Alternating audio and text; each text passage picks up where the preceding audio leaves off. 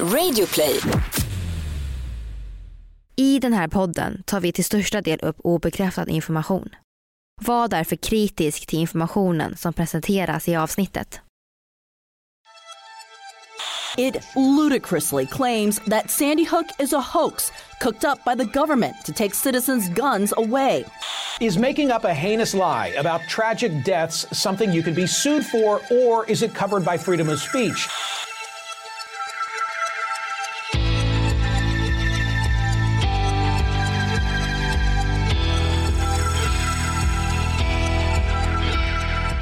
Ni lyssnar på konspirationsteorier, en podcast med Vivi och Aida.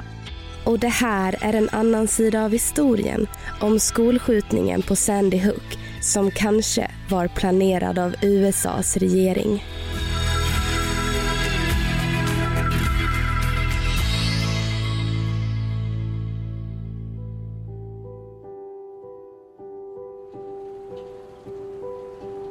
I Connecticut i USA hittar vi Newtown, kommunen med omkring 25 000 medborgare. Året är 2012 och det är en ganska vanlig fredagsmorgon i december. Morgonen bjuder på soligt väder men temperaturen håller sig bara kring 10 grader. Än så länge vet ingen i staden att den tredje dödligaste massakern på en skola i USA kommer att inträffa här om bara några minuter. Förutom Adam Lanza. Han vet. Han vet för att det är han som håller i vapnet.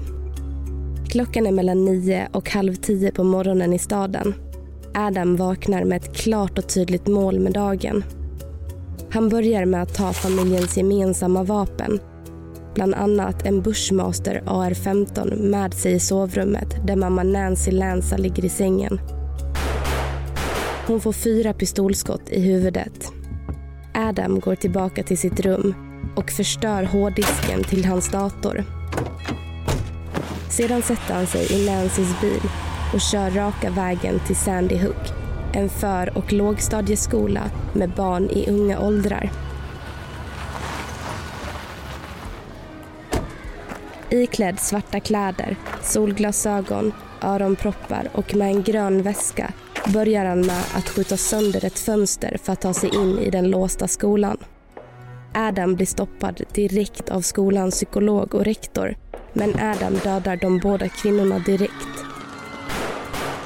Nu har han brutalt mördat tre personer och fler kommer det snart att bli. Adam går in i flera klassrum och mördar både barn och lärare. Alla gömmer sig, några blir skadade och många dör. Vid 09.35 börjar de första SOS-samtalen inkomma till stadens polisstation.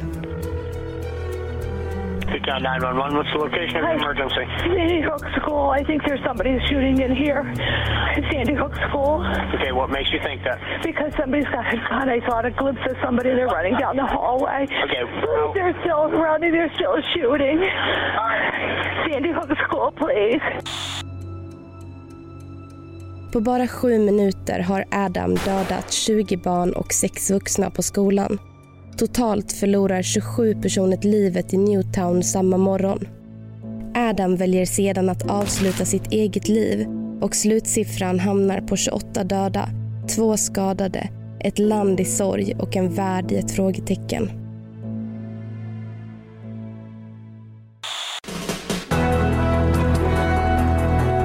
This is an ABC News special report. Good morning. We have breaking news. So we're going to pause now for an ABC News special report. For those of you just joining in, we've been having coverage of the shooting at an elementary school in Newtown, Connecticut, the Sandy Hook Elementary School, in which 27 people were killed, 20 of them children. To think that 17 children got murdered, but it's even more disturbing to think that the government would do something like this and present it as a real event when it's not. Vad hade 20-åriga Adam för motiv den morgonen? Fanns det en koppling mellan massskjutningen och den pågående debatten om skärpta vapenlagar i USA? Det ska vi prata om idag när vi ska diskutera en konspirationsteori om skolmassakern i Newtown. Det här är en podcast för dig som är intresserad av en annan version av verkligheten. En version som tar upp alternativa teorier, mystiska sammanträffanden och diskussioner om vad som kan vara sant. Direkt börjar staden, landet och världen diskutera hur det här kunde hända. Man börjar att titta närmare på gärningsmannen Adam Lanza, på hans bakgrund, hälsa och umgänge för att kunna få svar. Den 20-årige pojken växte upp i Sandy Hook med sin mamma. Under uppväxten visade Adam tecken på att ha utvecklingsutmaningar, sociala och motoriska svårigheter. Han undvek ögonkontakt och var mycket tillbakadragen. I hans journaler hittade man tecken på ångest, tvångssyndrom, anorexia och autism. Det gick däremot bra för honom i skolan han beskrevs som intelligent men väldigt ensam. Det gjorde att hans mamma såg till att han blev hemskolad i åttan och nian. The Yale Child Study Center ville egentligen att Adam skulle komma tillbaka till skolan eftersom hemskolning skulle försämra hans ångest och skapa mer känslomässiga problem. Han återvände till skolan i två år, tog studenten år 2009 och blev därefter ännu mer isolerad och tillbakadragen än någonsin tidigare. Rummet blev hans trygga plats med svarta sopsäckar och täcke för fönstren. Han kommunicerade till och med med sin mamma via e-mail. Under sin uppväxt var Adam omgiven av vapen. Det sägs att Adam hade ett intresse för skolskjutningar, speciellt den som inträffade på Columbine år 1999. Många är överens om att Adams tuffa bakgrund ligger som en stor orsak till det dåd han gjorde år 2012. Men eftersom Adam inte hade någon anledning eller motiv till dådet så har det uppkommit många frågor från anhöriga och den övriga världen. Varför? Dagarna efter massakern delades USA och debatten om vapenlagar togs upp till ytan. Medan polisen försökte hitta något slags motiv så fokuserade övriga medborgare på det faktum att de flesta av offren var barn sex eller sju år gamla. 20-åriga Adam var inte heller så vuxen. Ändå hade han tillgång till fyra vapen som hans mamma ägde. Vapnet som han mördade alla människor med var en AR-15 Bushmaster-gevär vilket är en halvautomatisk version av militärens M16. Han hade även två pistoler på sig och en av dem använde han för att ta sitt eget liv. I bilen hittade polisen Lances fjärde vapen, ett hagelgevär. Enligt den amerikanska lagen så har medborgare rätt att bära vapen, något som varit självklart sedan 1791 då det var viktigt att man kunde försvara sig. Efter det här så har lagen funnits kvar i konstitutionen men behövde man verkligen bära vapen fortfarande? Eller kunde USA nöja sig med striktare vapenlagar? Ett av vapnen som Adam burit, en AR-15, har länge varit ett väldigt omtalat vapen i USA där många har tyckt att det är en hobbyversion av ett militärvapen för farligt för att vara lagligt. Det har även använts i flera skolskjutningar och massaker runt om i USA det kanske var dags att sådana vapen inte var tillåtna att ha i sitt hem. This happens nowhere else other than the United States of America. This epidemic of mass slaughter, this scourge of school shooting after school shooting. It only happens here not because of coincidence, not because of bad luck, but as a consequence of our inaction. We are responsible. Men debatten består konstant av olika åsikter från alla håll. Speciellt sedan skolskjutningen på Sandy Hook. Många menar att det inte är vapnet, AR-15, som är för farligt utan det är personen som håller i vapnet. Det är inte vapnet som dödar. Det är människan.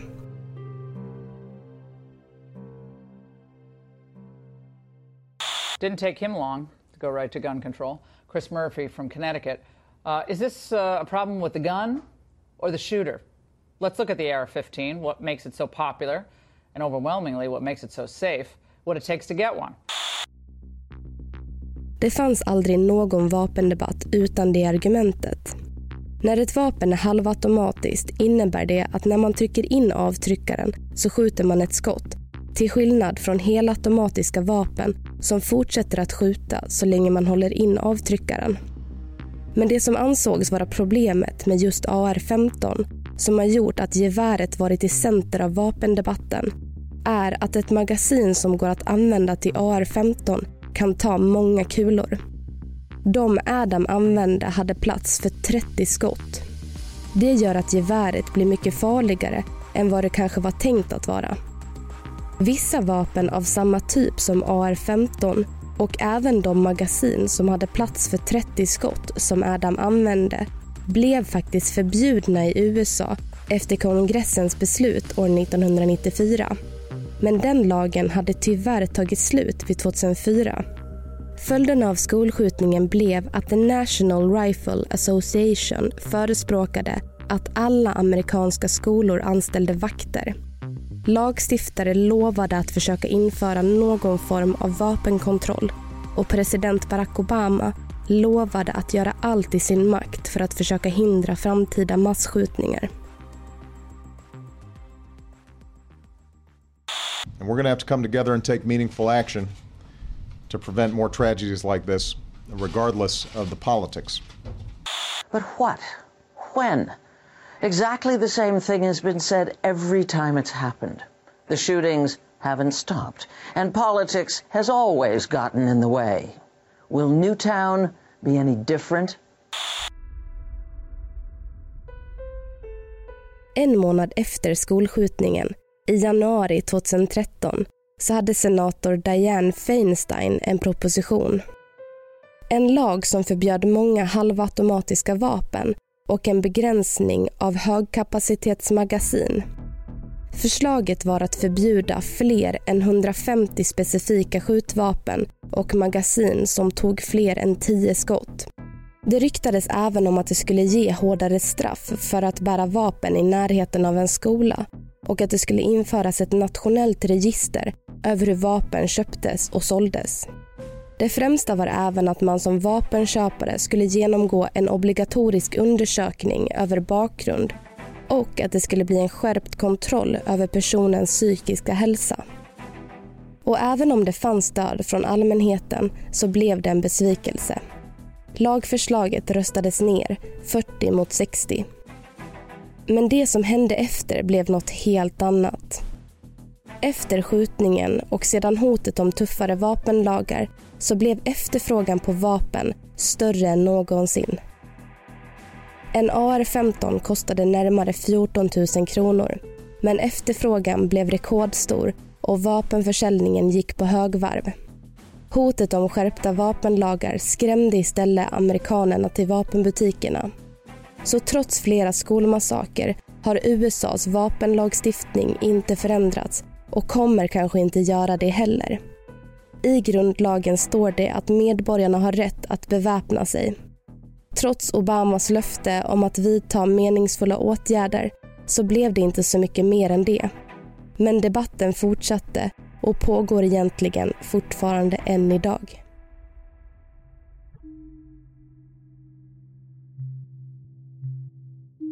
Konspirationsteorierna om skjutningen på Sandy Hook spreds i USA ungefär samtidigt som debatten om hårdare vapenlagar hade tagit en tydlig riktning. De amerikanska medborgarna var inte redo att släppa kontrollen. Senaten hade röstat emot. Allt fortsatte som vanligt, som om skjutningen aldrig ägt rum. Och vapenhandeln ökade något enormt. Men snart trädde en grupp människor fram som kallade sig för Sandy Hook Truthers eller Operation Terror. Många människorna som var delaktiga hade en tydlig koppling till Truthers som tror att terrorattentatet den 11 september i USA var ett försök av Bush-administrationen att skapa ett krig mot terrorn. Kunde det här vara samma sak? Kunde det vara möjligt att regeringen i USA låg bakom det här också? Men istället för att skapa krig mot terrorn så kanske de nu ville se till att få striktare vapenlagar och att kunna kontrollera vapenhandeln i USA. Advokaten Orly Tights var tydlig med sina funderingar. Kunde Adam Lanza blivit drogad och hypnotiserad att genomföra attentatet? Kunde regeringen ha gjort honom till en mördarmaskin? När Tights ifrågasatte Adam Lanza började fler hänga på. För henne verkar det uppenbart att 20-åringen var under kontroll. Att han användes för politiska uppdrag. Var hade Adam Lanza befunnit sig dagarna innan massakern? Hade han kanske blivit tagen, drogad och övertygad att genomföra skolskjutningen? Hon ifrågasatte även Obamas regering och varför de försökte förbjuda alla vapen när det hade varit en rättighet för folket i flera hundra år. En annan konspirationsteoretiker, programledaren Clyde Lewis, ifrågasatte även hur det kunde komma sig att Adam Lanza bara en dag bestämde sig för att mörda närmare 30 personer på en skola.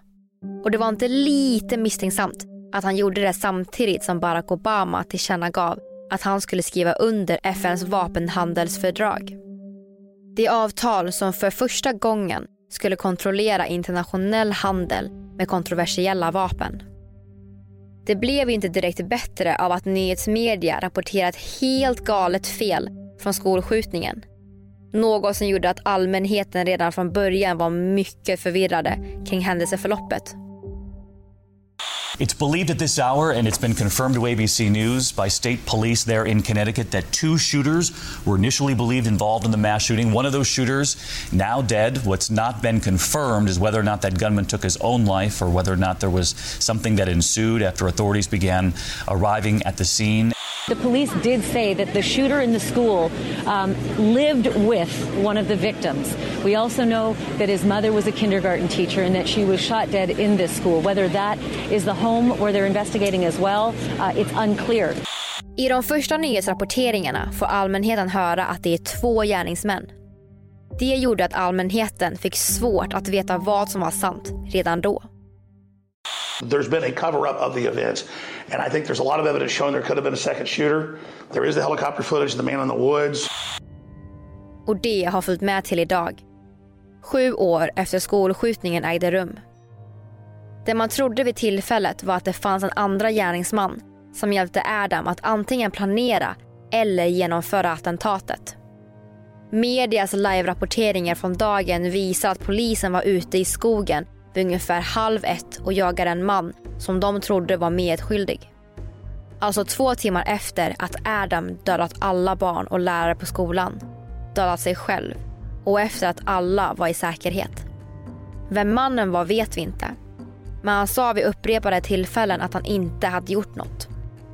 Något som många undrat är varför en potentiell skyldig person skulle springa genom skogen två timmar efter dådet var genomfört. Att det fanns en medhjälpare låter inte omöjligt. Men när polisen förde honom till polisbilen finns det många som såg att den misstänkte gärningsmannen fick åka i framsätet i bilen. Vilket är väldigt underligt. I framsätet på polisbilen finns tillgång till all polisutrustning och skulle vara farligt för polisen. Att allmänheten hade funderingar var inte så konstigt. Speciellt inte eftersom nyhetsmedia fick fel på identiteten på gärningsmannen Adam Lanza. Adam bar under skjutningen sin brors giltiga ID på sig. En bror han inte träffat på fyra år. Även om det här i sig är underligt så rapporterade media att det var Ryan Lanza som var mördaren. Det cirkulerade även på nyheterna att Adams mamma hade eller arbetade under tiden på skolan, vilket inte stämde. Skolsystern på Sandy Hook hade också sagt till en reporter att hon kände familjen eftersom Adams mamma hade arbetat på skolan och att hon inte alls hade förväntat sig det här av honom. Men inget var sant. Även pistolskotten var konstiga. Offren hade blivit skjutna mellan 3 och 11 gånger var vilket gör att Adam hade skjutit mellan 78 till 286 skott på bara sju minuter. Och det är om man faktiskt träffade alla han sköt. För många var det väldigt många skott på så kort tid. Trots att geväret kunde skjuta många skott per sekund så verkade det hela lite för skumt. Att gå in i skolan, hitta klassrummen med barnen skjuta barnen och läraren, gå vidare till nästa klassrum och skjuta där. Det var inte omöjligt, men ganska osannolikt, menar många konspirationsteoretiker.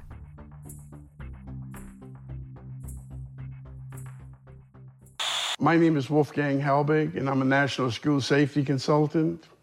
So, with Sandy Hook, what I call it, it's an illusion. It's all about misdirection. It's all about misinformation. They want you to chase all of this stuff. Look here, look there. It's an illusion.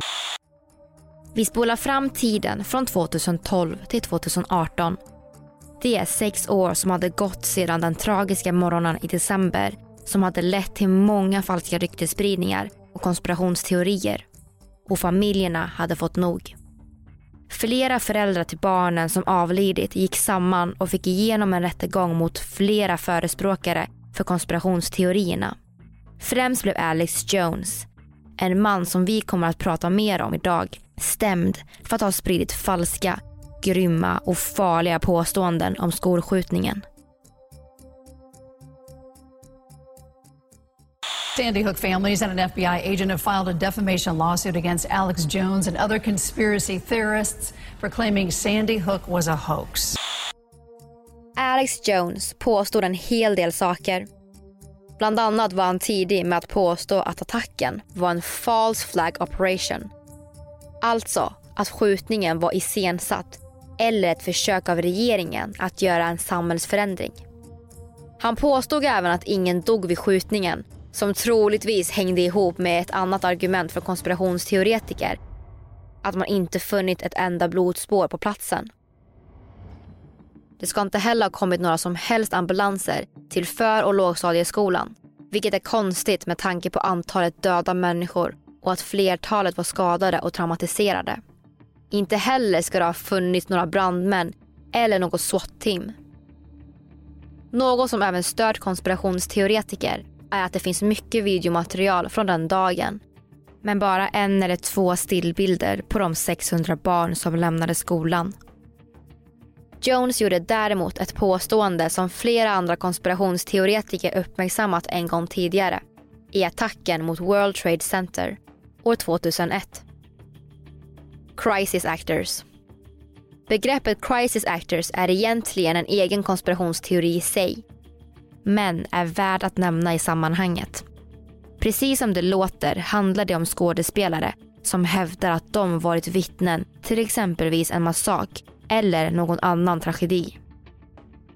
I fallet gällande Sandy Hook trodde många att crisis actors anställdes för att hjälpa att iscensätta skjutningen där skådespelare kunde skapa större realism. What do you think really happened at Sandy Hook? I can tell you children did not die. Teachers did not die on December 14th, 2012.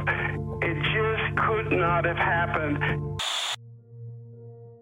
Sandy Hook Truthers främsta argument handlar om ett fotografi på president Barack Obama två dagar efter skjutningen.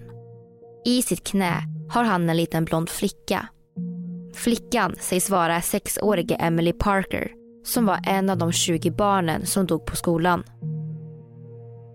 Beviset menar de är så pass tydligt att det måste vara en konspiration.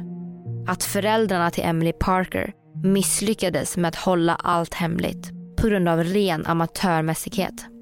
Människor som har velat tysta konspirationsteoretikerna har hävdat att det inte är Emily Parker utan hennes lilla syster. Men många väljer att inte tro på det. Att det var Emelies syster Madeleine har blivit motståndarens främsta argument. Här har vi Alex Jones när han pratar om Emelies pappa, Robbie Parker och att flera föräldrar verkade bete sig underligt under intervjuer. And then you've got parents laughing, going, and then they walk over to the camera and go, and, not just one, but a bunch of parents doing this. Then we see footage of one of the reported fathers of the victims, Robbie Parker, doing classic acting training where he's laughing and joking, and they say, hey, we're live. And he goes, oh. And maybe that's real. I'm sure it is. Det finns många teorier från den 14 december Och kanske kommer vi aldrig få svar på de frågor vi har haft sedan den dagen. Det kan bero på att skolan revs ganska direkt efter. Så det här kanske inte hade med vapendebatten att göra. Det kanske inte var Obamas regering som låg bakom det. Kan det ha varit så enkelt som att deras stad ville ha en ny skola? Det sägs att de fick 50 miljoner dollar för rivningen av Sandy Hook.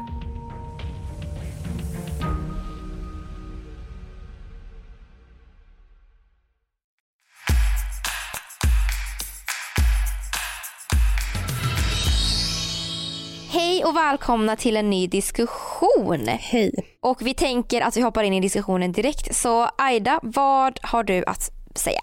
Jo, men man jämför ju det här äh, som hände på Sandy Hook med 9-11. För separat så är det inte så många konstiga saker som har hänt. Men när man lägger ihop alla de här äh, små detaljerna då får man ju en hel konspirationsteori. Mm. Alltså man tänker på rivningen, vapendebatten, den här missinformationen i nyheterna, teorierna om att han kanske var drogad eller under kontroll av regeringen, crisis actors och så vidare. Ja, då blir det lite för mycket saker som inte stämmer. Och sen så är det ju så att 9-11 hände för 18 år sedan i år och det här på Sandy Hook det hände för sju år sedan. Så att 9-11 har ju haft sju år mer tid på sig att hitta mystiska saker än vad Sandy Hook har. Så om man låter det gå några fler år så kanske vi hittar fler så kallade bevis för att den här teorin inte bara är en konspirationsteori. Och en sak som har försvårat det för konspirationsteoretiker är att man rev skolan väldigt direkt inpå.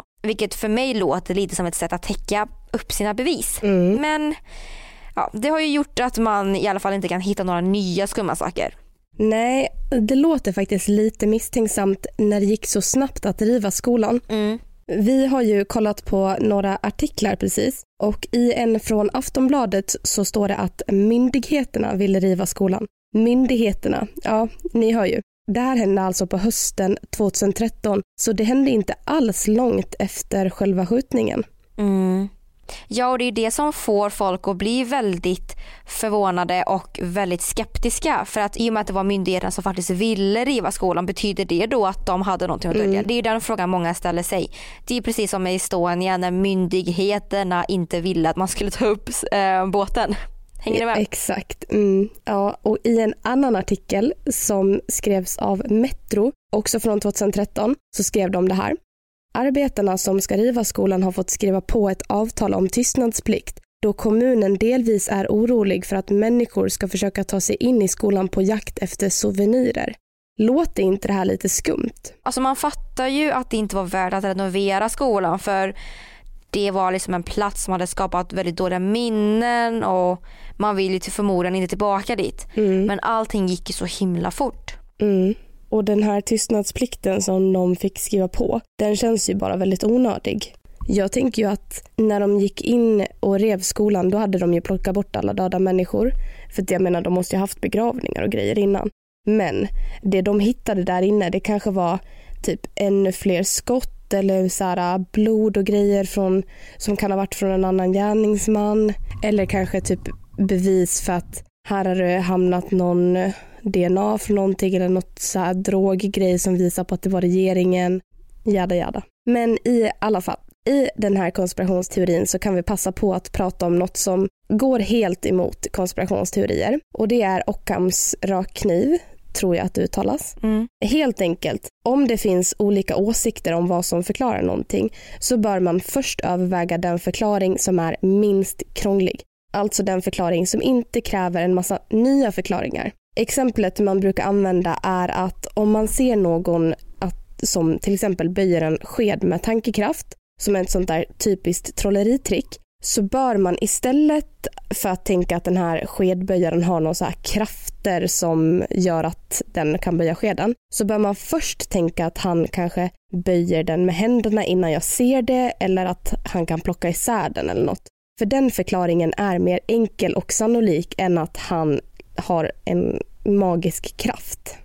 Och så i det här fallet så kanske man ska tänka att det här egentligen är en vanlig skolskjut eller vanlig vanlig, att det här egentligen är en, ja, en skolskjutning och inte en konspiration.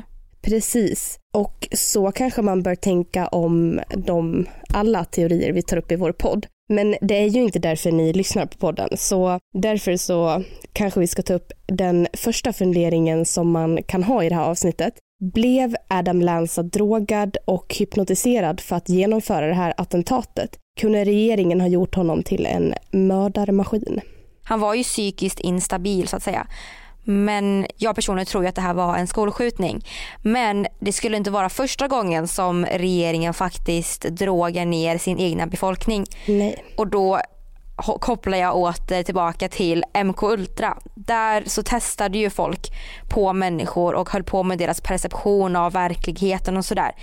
Så man vet ju inte. Ja, de vill ju göra ett vapen. Precis. Så jag menar, så, alltså, tänker man på det då blir det ju ännu mer troligt att det kan vara så. Precis. Och det värsta är ju att MK Ultra är ju sann. Ja, precis. Men jag håller med dig om att jag tror också att det är en vanlig skolskjutning. Mm. Och det baserar jag på det här som jag ska säga nu. Att om man tänker att USAs regering faktiskt så här, ville få igenom eh, hårdare vapenlagar efter det här och att det var ett inside job för att så här, vi passar på att döda massa barn för att då kan vi äntligen få igenom våra vapenlagar. Då blir det lite så här, fast de lyckades ju inte med det och det stör mig lite för att i så fall om det var ett inside jobb och att de låg bakom den här konspirationen, då skulle de ju ha, i så fall ha gjort fler skolskjutningar Alltså de hade behövt anordna fler och göra fler mördarmaskiner som Adam Lanza i så fall. Och så att folk blev ännu, ännu mer emot vapen. Förstår du vad jag menar?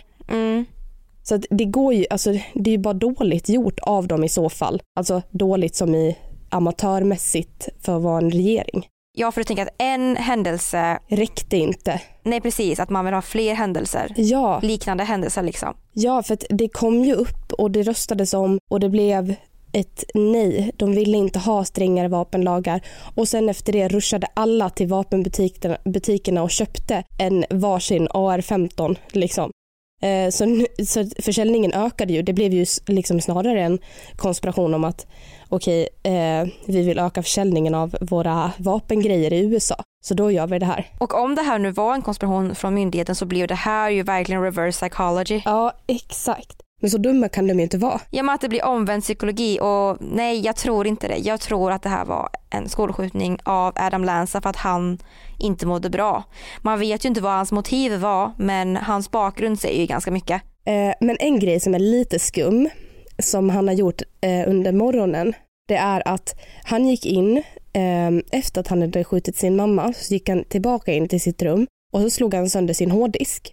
Och just den lilla grejen är lite störande för att han skulle ju, han hade ju bestämt sig då, troligtvis, för att han skulle mörda sig själv.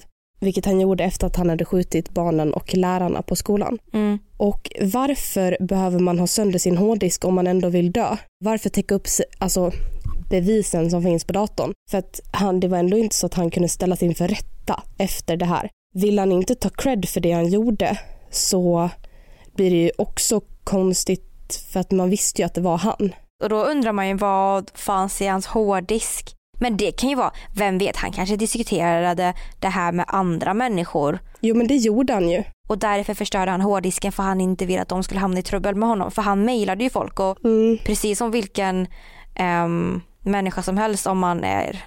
Men jag tänker att man har det backed up. Ja men det är väl det argumentet som man kan ha om man tror på den här konspirationsteorin i så fall att där inne kanske det fanns typ hotmail eller sånt från eh, regeringen eller någon annan makthavare som, eh, kan, som kunde användas för bevis eller något. Eh, Uh. Oj, nej jag tänkte inte alls på det. Det indikerar egentligen att jag inte riktigt tror på den här teorin. För det, min första tanke var ju, ah, okej okay, men det kanske var mailkonversationer han hade sparat på sin dator med mm. sina, med folk han hade pratat om det här med. Nej. Men ja, så långt tänkte inte jag konspiratoriskt liksom. Eller konspirationsteorismässigt. Ja. Alltså jag tänker ju likadant som du där. Och jag vill faktiskt tro att det här var en skolskjutning också. För att, Eh, jag vet inte, det känns eh, fel att tro att det här är en konspirationsteori och det går lite ihop med en annan grej som vi ska prata om. Ja, och det handlar faktiskt om yttrandefriheten. Och konspirationsteorier är ju som ni alla redan vet oerhört kontroversiella och de anklagar oftast någon till att ha gjort något väldigt dumt. Och man får ju nästan säga vad som helst men inte riktigt. Och i USA så har en person vid namn Alex Jones och hans show Infowars blivit stämd av en förälder till ett barn som dog i skolskjutningen på Sandy Hook för förtal. Och förtal är alltså ett brott mot yttrandefriheten. Och man kan inte riktigt jämföra USA och Sveriges versioner av yttrandefrihet. Men det intressanta i det här fallet är ju att man som konspirationsteoretiker kanske får vara lite försiktig med sina åsikter. Mm, precis. Och eh, Alex Jones är ju en person som har varit med i båda våra säsonger, bara att vi har inte tagit upp hans namn. Men han är i alla fall en otroligt känd konspirationsteoretiker och han har åsikter om många, många konspirationsteorier. Ja, och bland annat för 9-11 då. Men vi kan ju lyssna på en liten snutt här om vad han faktiskt har sagt. Precis.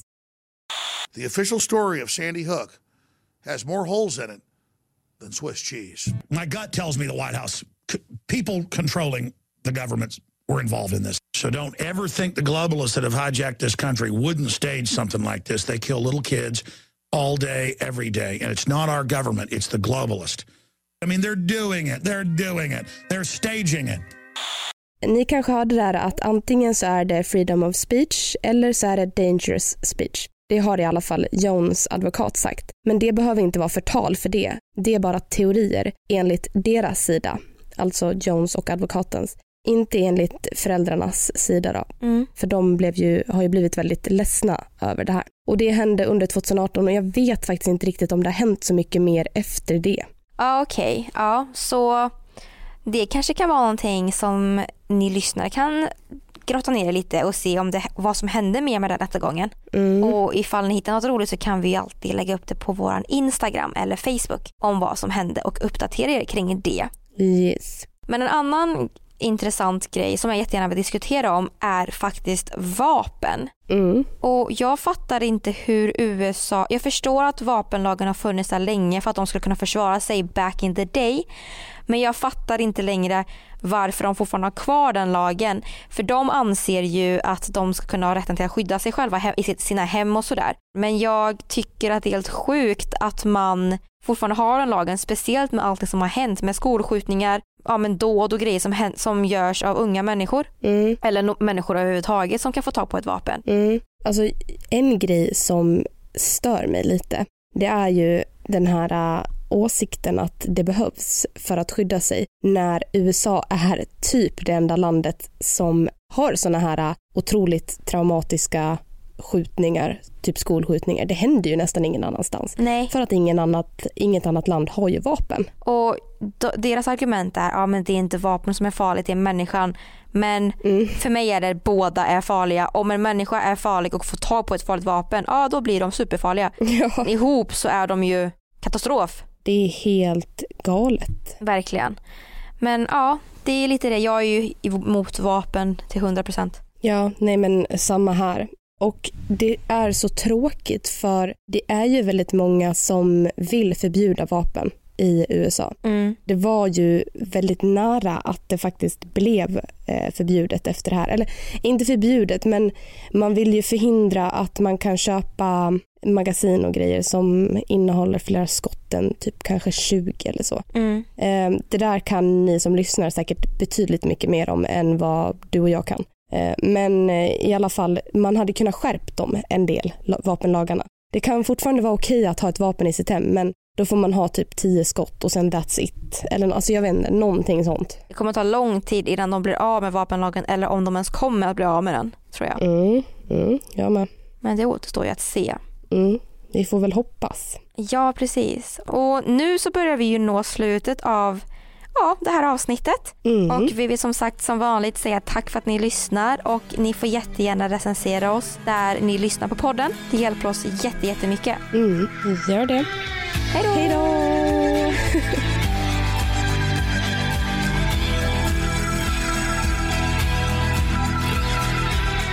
Ni har lyssnat på podden Konspirationsteorier som gjordes hösten 2019. Källorna till dagens avsnitt finns på Facebook. Vi som har gjort programmet heter Vivian Lee och Aida Engvall.